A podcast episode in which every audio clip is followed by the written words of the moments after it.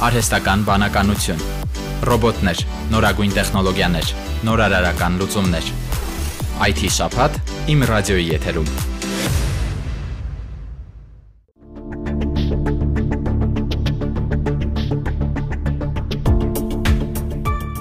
Հայաստանում առաջատար տեխնոլոգիաների ոլորտի զարգացումն այլընտրանք չունի։ Համոզված է առաջատար տեխնոլոգիաների ձեռնարկությունների միության նորանշանակ գործադիր տնօրեն Հայկ Չոբանյանը։ Նրա խոսքով մեծ պատասխանատվությամբ է ստանձնել նոր պաշտոնը եւ ջանք չի խնայի ԱՏԶՄ-ի բոլոր ծրագրերն իրականացնելու համար, քանի որ պատերազմից հետո բոլորս ենք հասկացել, որ տեխնոլոգիաների զարգացումը Հայաստանի համար ազգային եւ պետական անվտանգության խնդիր է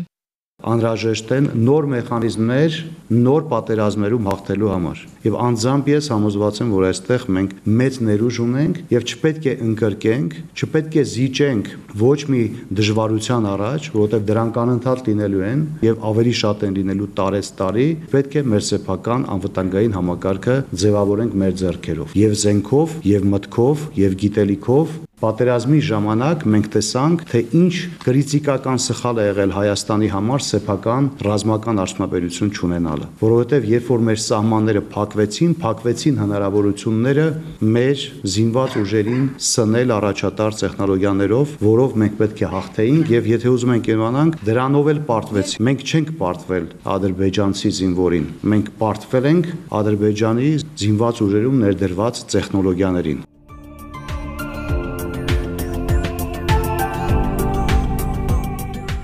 Հայաստանում վերջին 10 տարիների ընթացքում արտադրված տեխնոլոգիաներն այսօր կարող են ներկայացվել աշխարհին։ Երկար տարիներ միությունը կատարել է երկրի բարձր տեխնոլոգիական ոլորտում առաջնորդի դերը իր անդամներով, այլ ընկերություններով, որոնք մեծ դերակատարում ունեն վերջին տարիներին Հայաստանում ոլորտի զարգացման գործում։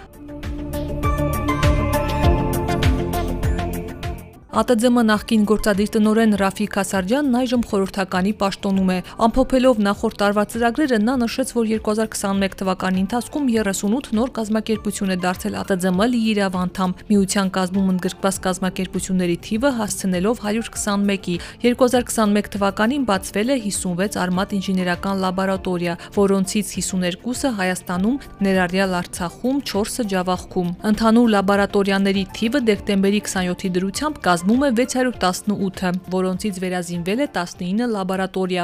Արմաթում մոտ ավելի քան 16000 սաներ մասնակցում են մեր ծրագրերին եւ 21 թվին մենք ունեցել ենք 1614 շրջանավար Արմաթի ծրագրերին, որ անցել են ամբողջ Արմաթը եւ պատրաստ են արդեն շարունակելու իրենց հիմնադրությունները կամ միջի մասնակետական հաստատություններում կամ բարձր կրթության հաստատություններում։